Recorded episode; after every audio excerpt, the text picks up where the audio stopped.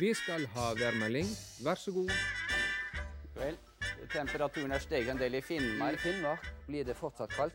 Kaldt i det østafjelske, ellers i landet temmelig mildt. Du hører på Værfast med Meteorologisk institutt. Ellers i landet litt mildere enn det var i dag.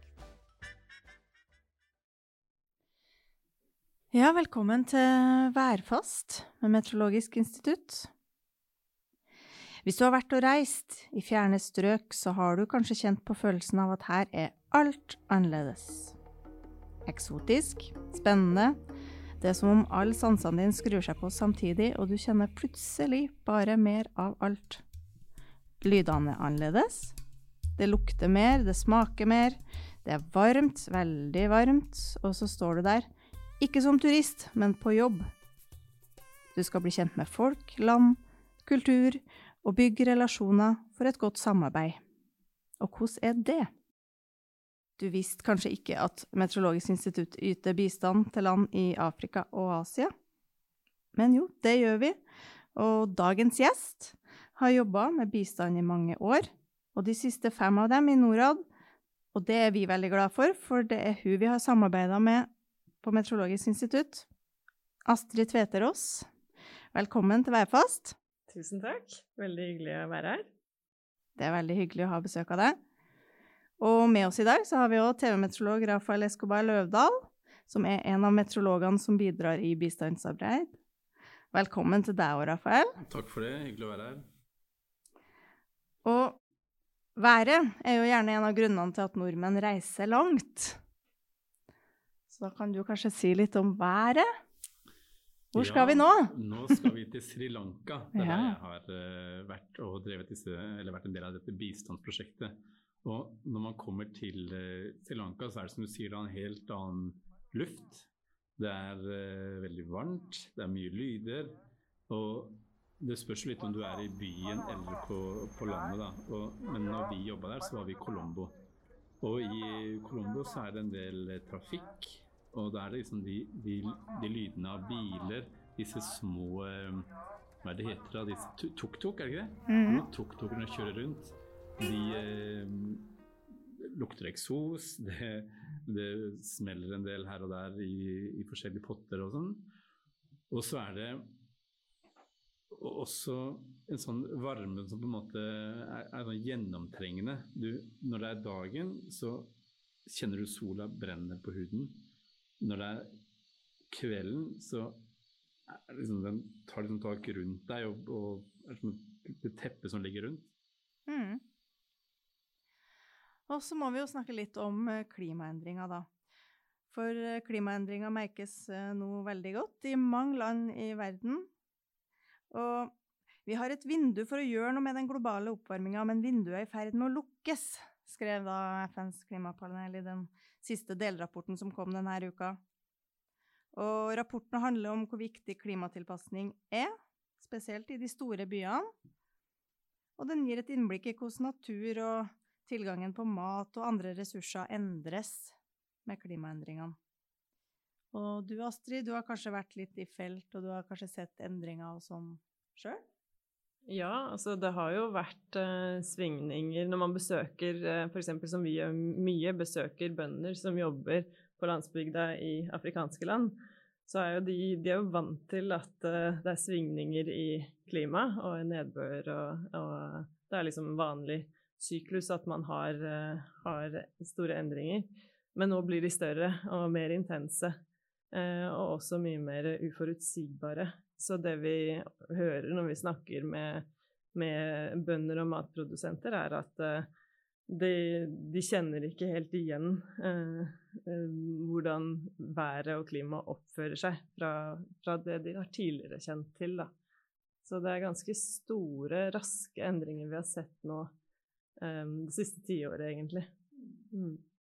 Men det er det de sier at de ser, at de ser for siste ti åra, at det har gått så fort. Det, for min del så vet jeg ikke om jeg Jeg ser ikke noe forskjell de siste ti åra, det syns jeg er vanskelig. Men jeg husker ting fra jeg var liten, at ting er litt forskjellig nå enn hva det var fra da jeg var liten. Det ja, da synes, tenker du i Norge? Ja, Ja. det syns jeg kan kjenne litt forskjell på. Men, men det er jo det som er med klima, det er jo på en måte gjennomsnittsværet. Så disse disse ekstremene vi får, som de er litt mer ekstreme nå enn de var da, så er de fortsatt såpass ekstreme at for, for meg som barn den gangen, det er vanskelig å skille det ekstremværet som kom i 1989 mot det ekstremværet som kom i 2021. Mm. At, ja, det, syns jeg er vanskelig. Da. Det er nok en stor forskjell på Norge og mange av de landene vi møter i bistandsarbeidet. At de ligger i, i deler av verden som er mye mer utsatt. Uh, at de merker Altså, vi vet jo at uh, frekvensen på ekstremvær har økt i disse områdene de siste ja, siden 2010, da. Um, og vi vet også fra den siste IPCC-rapporten at uh, landbruket i Afrika er spesielt utsatt for disse endringene. Er spesielt hardt rammet. da.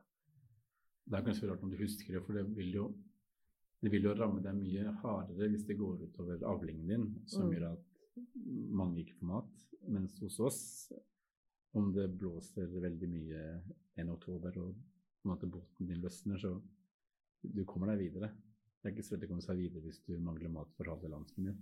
Nei. Det er litt, uh, litt verre. Mm, får litt større konsekvenser.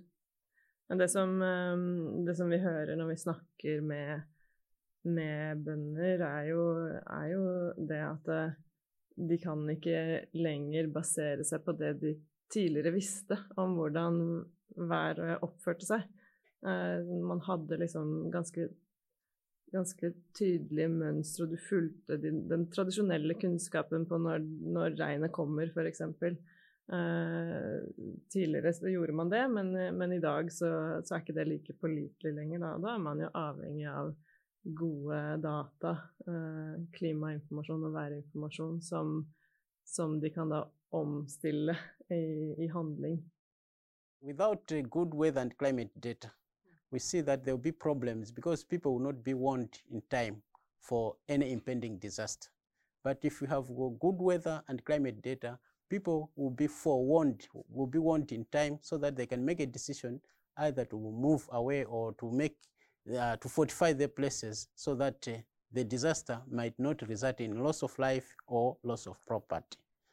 Og der hørte vi Clement Boyce, sjefsmeteorolog i Malawi, snakke om hvor viktig det er med gode data og tidlig varsling. Den store utfordringen, det, er jo derfor vi setter så veldig stor pris på å jobbe med Meteorologisk institutt, som kan bidra nettopp til at disse dataene blir bedre på landnivå. Og at vi kombinerer det med mer eh, innsats på å få informasjonen ut på en tydelig måte som er tilpasset de ulike sektorene. Bønder, fiskere, eh, andre relevante sektorer som har bruk for denne informasjonen. Mm. Og da kan jeg kanskje til, til lytterne legge til at uh, de, de, landene som vi har samarbeid med nå, det er Bangladesh, Vietnam, Myanmar, Malawi, Mosambik og Sri Lanka. Og så siden vi snakka litt om måten å jobbe på, så, så, er jo vi på Meteorologisk institutt uh, opptatt av at bistandsarbeid er samarbeid. Nettopp at vi skal bidra til at dem vi samarbeider med, får bedre tilgang på data og kunnskap i datasystemer som vi deler med dem. Og at målet er at de etter hvert sjøl blir bedre i stand til å varsle egen befolkning om farlig vær og om naturfarer når det trengs. Kanskje du kan si litt mer om det? Hvordan vi jobber med å lære opp ja, jeg var jo i, i Sri Lanka på prosjektet, og det, det, det jeg merket da jeg kom dit, var at de som jobbet på varslingssalen der, de meteorologene, de hadde veldig høy, grad av kunnskap. Så der var vi Det var ikke noe forskjell. De har mye, mye større kunnskap om været der nede enn jeg har om været der nede, så de, det var jo helt eh, Det var i boks. Det som var litt av utfordringen der, det var på en måte det å, å skulle få um, få verktøy de trenger for å kunne få formidla det videre og for å gjøre seg opp en mening selv om hvordan været kommer til å bli. Da.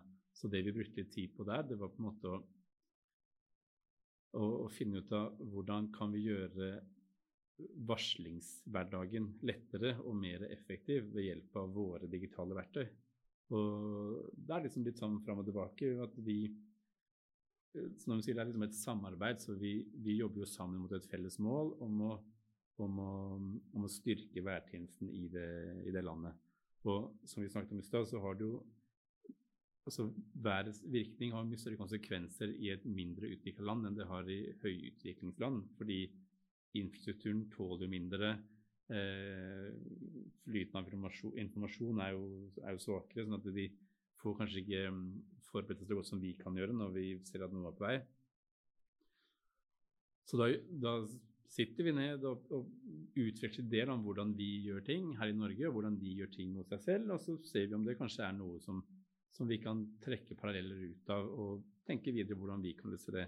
Samtidig som jeg får ideer på hvordan, dere, hvordan de gjør ting som jeg kan bruke i arbeidet mitt i Norge er, vi kommer ikke ned som noen lærere. Det er veldig langt ifra det vi gjør. Vi drar ned, snakker sammen, og så finner vi løsninger sammen da, på det som måtte være utfordringen. Du må bli kjent med dem, de må bli kjent med deg. De må finne ut av hva jeg kan, jeg må finne ut av hva de kan, og hvordan vi sammen kan, kan forbedre det de allerede har, som, en, som fungerte ganske bra, egentlig jeg tror kanskje mye av det her går på å bygge relasjon. At du bygger, du bygger en menneskelig relasjon over et felles fagfelt. Og så blir du på en måte kjent, du får venner, så får du tillit, og så begynner man å, å, å, veksle ut de ideene man kanskje eh, hadde sett for seg, like sett for seg, og kommer det en helt ny idé også. Jeg tror det er ve veldig avgjørende, og det, liksom, det gjelder eh, nesten all bistand at man må tenke langsiktig, og man må bygge gode relasjoner og bygge tillit. Eh, nå kjenner ikke jeg så godt til arbeidet til Meteorologisk institutt i Sri Lanka, men jeg har fulgt eh, litt med på det som har blitt gjort i Bangladesh og Myanmar og Vietnam. Eh, og det har jo foregått siden 2010, mener jeg å huske. Eh, så der har man jo liksom et sånt fagfellesskap, har jeg inntrykk av. At man har et sånn Eh, gjensidig respekt da, som fagfolk, um, som gjør at dere lykkes i å faktisk uh, få, skape resultater. Uh, og at det er litt sånn på like fot, som du sier. Uh, det som vi ofte ser, har sett innenfor denne tematikken her, er jo at de meteorologiske tjenestene i utviklingsland egentlig overstrømmes av tilbud om hjelp og bistand til å forbedre værvarslingen sin, men ofte kommer det med eh, med forpliktelser for innkjøp av datavare og, og også altså både software og hardware da, som, som, gjør at det blir vanskelig for dem i lengden, mens Meteorologisk institutt kommer jo da med løsninger som er eh, lavkostnads- eller kostnadsfritt, eh, og mer sånn kapasitetsbygging på lengre sikt. Jeg tror det er veldig viktig det poenget at vi, det, den jobben vi på en måte gjør der nede, er å prøve å bygge opp en selvstendig tjeneste med verktøy som de kan drifte selv. Mm. Og, og, da ikke være avhengig av noen, og ikke skylde noen noe. Weather data is very important for Tanzania and Africa in general because it means life and death. Most of our socio-economic development activities are strongly related to weather and climate. Agriculture is rain-fed. If there is no rainfall, there is no food. Ja, her hørte vi Ladislaus Shanga, som er direktør for forskning og anvendt meteorologi i Tanzania, og her er han inne på det her med hvor viktig værdata er. Jeg tenkte litt på det når du snakket om det med eh, at Norge kan gå først, og, liksom, ja. og det er eh, en av de tingene, et av de områdene Norge er ganske sterke på, det er dette med deling av data. Værdata som fellesgode. Burde jeg snakket litt om ord, da. Yr var suksess. For det er noe Jeg tror det er i Sør-Afrika så er det en veldig stor brukergruppe av Yr. Mm. Og det tror jeg også er Det kan jo kanskje være noe med hva som er tilgjengelig ellers. Det kanskje koster penger, mens sikkert er gratis. Og så er det noe med hvordan man får lagt fram. Man har, det samarbeidet med NRK tror jeg funka veldig bra. Ja. At man har vi som er gode på å varsle været, og så har det NRK som er gode på å formidle. Og den, der, den samhandlingen er blitt veldig bra. da. Og Det samme gjelder når, når jeg fra Norge møter noen fra Sri Lanka, og vi to som er så forskjellige gjør noe sammen, så blir det ganske bra. Så ja, jeg er veldig stolt av å være en del av Yr. Jeg føler jeg er litt, er litt, er litt del av Yr når jeg jobber her, er ikke det? Jo, det syns jeg absolutt. Ja. ja, nei, det, og det er veldig Det er veldig sånn eh, lett å forklare for folk som ikke vet hvordan uh, meteorologi kan uh, bidra til uh, bistandsarbeid, liksom. Så vise til hvordan Yr blir brukt. Eh, hva som er tilgjengelig gjennom den appen. Og nå er den jo oversatt til engelsk også, så da er den lettere tilgjengelig for veldig mange. Så det er norske skattebetalere som har betalt for de dataene, og det deler vi. Og det er ikke noen grunn til at ikke vi skal dele det utenfor Norges grenser heller. Det, men det som også er veldig fint da, med, med dette arbeidet som Det er jo også sånn som tar litt tid, da.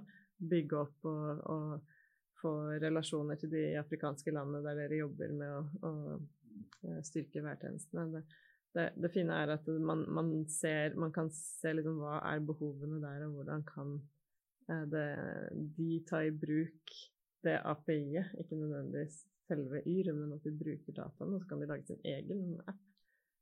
Jeg tror det er det de kommer til å ville gjøre. Forhåpentligvis er det jo det, og det, det er det vi snakket om i stad, at det, det å gjøre dem selvstendige til å ta sine valg, hva som er best for dem.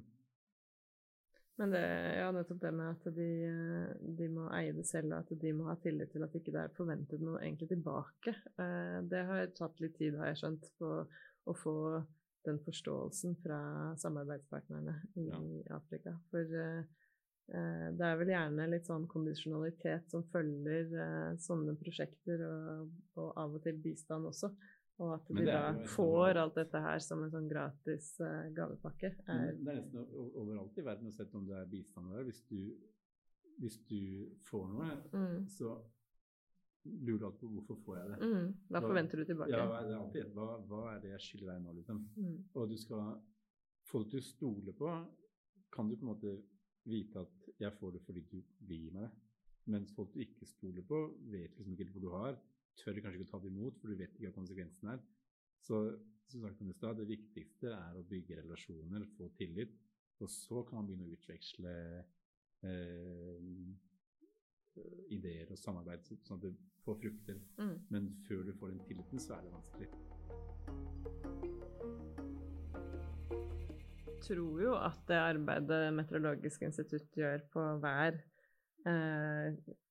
kan gå foran som et godt eksempel for veldig mange andre eh, land. Da.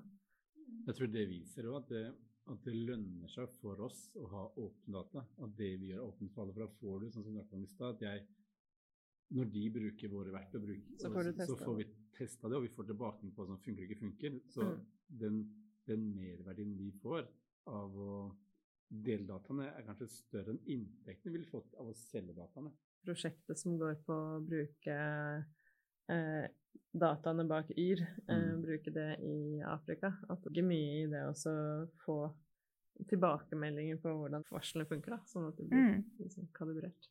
Ja. Mm. Nei, vi er jo I Norge så er vi jo litt sånn digitalt bortskjemt. Vi har, eh, vi har Yr, og vi har veldig mange observasjoner. Vi har private målestasjoner. Vi har, vi har veldig mye data å ta av, mens en del land kanskje ikke har uh, det store datatilfanget heller.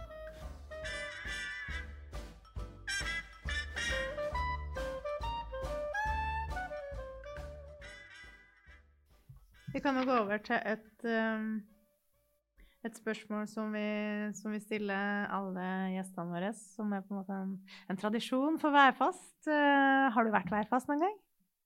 Oi, ja, faktisk. Ja. ja. Wow i Norge? Nei, uh, på Kastrup i København. Jeg hadde vært på, uh, på jobbreise til Genéve, til noen FN-organisasjoner der. Og så eh, skulle jeg hjem, og jeg skulle rekke min egen bryllupsreise dagen etterpå. Eh, og så var det så voldsomt snøvær eh, i Danmark at jeg ble stuck på flyplassen der og kom meg ikke på bryllupsreisen, så mannen min måtte reise alene. Nei! Det var en uh... Men jeg, jeg, ja. det var en dårlig, Men jeg dårlig dro, start. Jo, jeg dro jo etter han, så jeg kom fram to dager etter. Ja, gjorde det.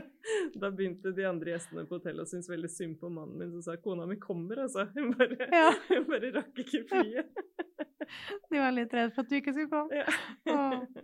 ja. Det var ikke så veldig eksotisk eksempel, jeg, da. Jeg har bare vært værfast den denne ene gangen. Ikke på noen av de andre jobbreisene mine. Ja. Du har kanskje svart på det spørsmålet før, du? Jeg vet ikke, men uh, det er ikke så ofte jeg har vært uh, værfast, egentlig. Men jeg husker en gang jeg skulle reise hjem til jul, og så Der jeg bor nå, så er det en ganske bratt bakke. Og så var det sånn um, frysende regn.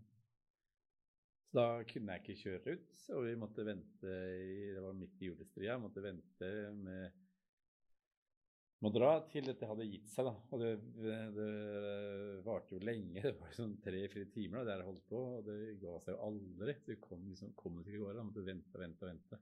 Nei. Og var liksom værfast i mitt eget hjem for å skulle bare reise et lite stykke. Så det var ganske, det var ganske udramatisk, men jeg satt bom fast. Kom ingen, eh, kom ingen vei. Nei. Det som er litt morsomt når man jobber i land med regntid, eh, eller hvor regnet kommer veldig voldsomt, da, Mm. det er at eh, da er du på en måte litt værfast når regnet da kommer. Um, og det opplevde jeg flere ganger i Uganda når jeg var på feltarbeid der, at jeg satt og ventet på folk, og så, så kommer de ikke, og så sier de bare nei, jeg ble hit by the rain. Eh, og, og i Norge så lar vi jo ikke regnet stoppe oss, vi bare tar en paraply og går ut, ikke sant, for man skal jo rekke avtalene sine. Men da var det bare å sitte og vente til den, eller det regnskyllet gikk over. Og jeg skjønte jo etter hvert liksom grunnen til det, for det er jo veldig mye mer voldsomt enn det er eh, de regnskyllene vi har i Norge. Kan i hvert fall være. Ja. Så det er kanskje det mest fornuftige, da. Å bare ta det litt rolig, vente Ja. på at det går over. Mm. Ja, for jeg, jeg har vært en annen som litt mer sånn med regnvær. Sånn, det satt jo fast en gang vi var i, i Nicaragua. Så kom det en sånn regnskyll. da, Og da er det som du Det er ikke sånn regn vi er vant til. Det, det er veldig store dråper, og det varer ganske lenge. Og man tenker ikke så mye over det med en gang, men det som skjer jo etter hvert, at det, det går liksom et kvarter, det går 20 minutter, det går 25 minutter, og så begynner etter hvert vannet å boble opp matte steder. Det begynner å bli noen bekker i veiene. Og, og når det har gått en time og du har stått på, så er plutselig veien er ikke der lenger. Eh, Du kjører gjennom byen, og så er det liksom Det er ikke noen gater, du bare kjører i sånne eh, ja, små elver, egentlig. Og, og nå har jo regnet stoppa, da, men det renner jo ned fra åssidene fortsatt. Mm. Og det stiger og det stiger og stiger, så da må man vente, da. Og det tar en time, det tar to timer, så, så roer det seg, så forsvinner det, og så kommer man etter hvert videre. Og de er ganske vant til, for de finner fram kosten, og så er det bare å børste vekk den gjørma som har kommet inn, få det bort, og så er man liksom i gang igjen. Mm. Så det, det er litt um, Som vi snakket om i stad, det er med å, å Jeg kjenner været i Norge, de kjenner sitt vær best.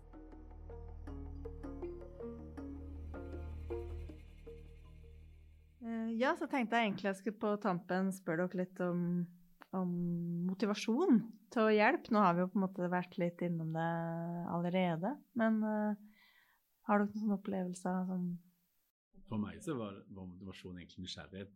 Ja. At jeg lurte veldig på hvordan det ville være å møte de i Sri Lanka. Veldig nysgjerrig på hvordan de løste oppgavene. For det er noe som dere sa, at de har, vi har litt sånn felles faglig bakgrunn. For det, det husker jeg fra jeg var liten òg. Jeg tenkte at hvis jeg bare velger realfag, så kan det jo være hvor jeg vil. For realfag er jo universelt. Det kan du jo bruke hvor som helst. Om det er Spania, Norge, England, eh, Malawi. Det funker uansett. Og så er det det at det er jo gøy å møte nye mennesker som har en helt andre referanser enn det jeg har. De har vokst opp på en helt annen andre siden av verden. De har et helt annet klima, de har en annen mat. De har et annet, til tider hatt et annet styresett. Eh, Så det er liksom min, min største drivkraft, var liksom nysgjerrigheten. Mm. Og så er det en stor bonus da, at jeg føler jeg gjør noe nyttig. For når jeg utveksler ideer med de, så blir jo jeg bedre til å varsle være her og, og ha litt, litt flere verktøy å løse mine oppgaver med, samtidig som de får litt bedre verktøy til å løse sine oppgaver med. Målet er jo å sikre liv og verdier. Det er det man gjør som meteorolog, er å sikre liv og verdier. Så jeg tror da at ved å reise dit, så har jeg bidratt til å sikre liv og verdier i større grad i Sri Lanka, samtidig som jeg har gjort det i større grad her i Norge, med at jeg får de, den inputen fra dem. Da. hmm. Så fint sagt. Ja. Mm. Ja, det var veldig, en veldig fin motivasjon. Og jeg merker hver gang jeg er her på Meteorologisk institutt, så får jeg jo lyst til å bli meteorolog selv. Fordi jeg syns det er veldig motiverende å høre på eh, alle våre flinke samarbeidspartnere. Eh, men jeg innser jo at det toget kanskje har gått nå. Det er ikke for. Eh, men, men det er jo sånt som, som gjør det motiverende å jobbe med bistand, når man ser, eh, ting som nytter. Eh, at det vi satser på, bruker norske bistandsmidler til at det, at det funker. Og det kan være eh, sånne eh, prosjekter som du jobber med, som, eh, som, vi kjenner til at har god effekt. Og det kan også være større ting. Og så er jo også mye av motivasjonen Det ligger jo mye i alt som er der, Det ønsket om å bidra til å løse større problemer og gjøre noe med denne urettferdigheten. Eh, sånn at man blir jo motivert også av eh, å, å, høre altså sånne rapporter som IPCC-rapporten som har kommet nå, rapporter som viser hvordan eh, situasjonen er globalt når det gjelder matsikkerhet, som er det jeg jobber mye med, hvor vi ser at antall mennesker som sulter, har gått oppover de siste årene. Uh, det, det, er, altså, det, høres rart ut at det er motiverende, men det, liksom, det, gjør at man skjønner at nå må det gjøres noe. Um, i, i, Norad så er det også motiverende for oss når vi da har um, politisk, uh, en politisk ledelse som setter fokus på det, uh, den tematikken vi jobber med. Fokuset på klimatilpasning. Og fokuset på matsikkerhet har bare blitt uh, høyere. Mm. De henger sammen, de to, da. Det henger veldig, veldig sammen, og den koblingen er uh, helt uunngåelig. Og, og, planen nå er jo at man skal øke investeringene eh, innenfor klimatilpasning ganske betydelig fra norsk side. Um, det skal tredobles uh, de nærmeste årene. Og, Her eller utlandet? Nei, det er i, i bistanden, da. Ja. ja. Så, og mye av den tilpasningen vil jo måtte foregå i, i matproduserende sektor, da. Så, så, vi kommer til å ha mye å gjøre i årene som kommer. Men det er jo ikke så Altså Vi snakket om i stad at det å så tredoble mm. Men det, det, er riktig vei å gå, da. Men det spørs om det er nok. da, fordi de konsekvensene de, de vil få av et nytt klima, er jo veldig forskjellige fra våre. Det at, det at vi mister noen skidager i marka, er liksom én ting. Det at du mister evnen til å føde en egen familie, er jo en helt annen idrett.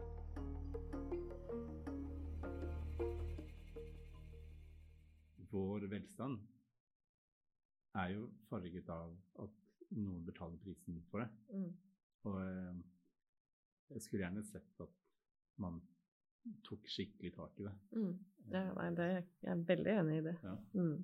At selv om vi er små og vårt bidrag ikke er det største, så kan det være det som får ting til å vippe i gang mm. og, og, bidra til et ordentlig skifte. Mm. Men noen må jo være først ut og være villig til å ta den risikoen. Mm. Men det tenker jeg det er en fin, fin oppsummering herfra eh, ja. egentlig i dag. At vi, vi, vi, fortsetter med bistand er viktig, og fortsetter med, med, samarbeid. Det tror jeg også Meteorologisk institutt har lyst til å fortsette med.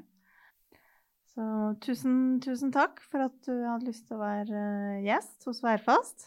Tusen takk for at jeg ble invitert.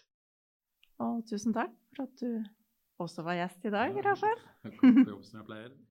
og jeg heter May-Linn Finstad Svehagen og er programleder for eh, Værfast. Episoden har jeg laga i samarbeid med Rafael Escobar Løvdahl og Kristine Gjesdal. Og det er også jeg som er produsent.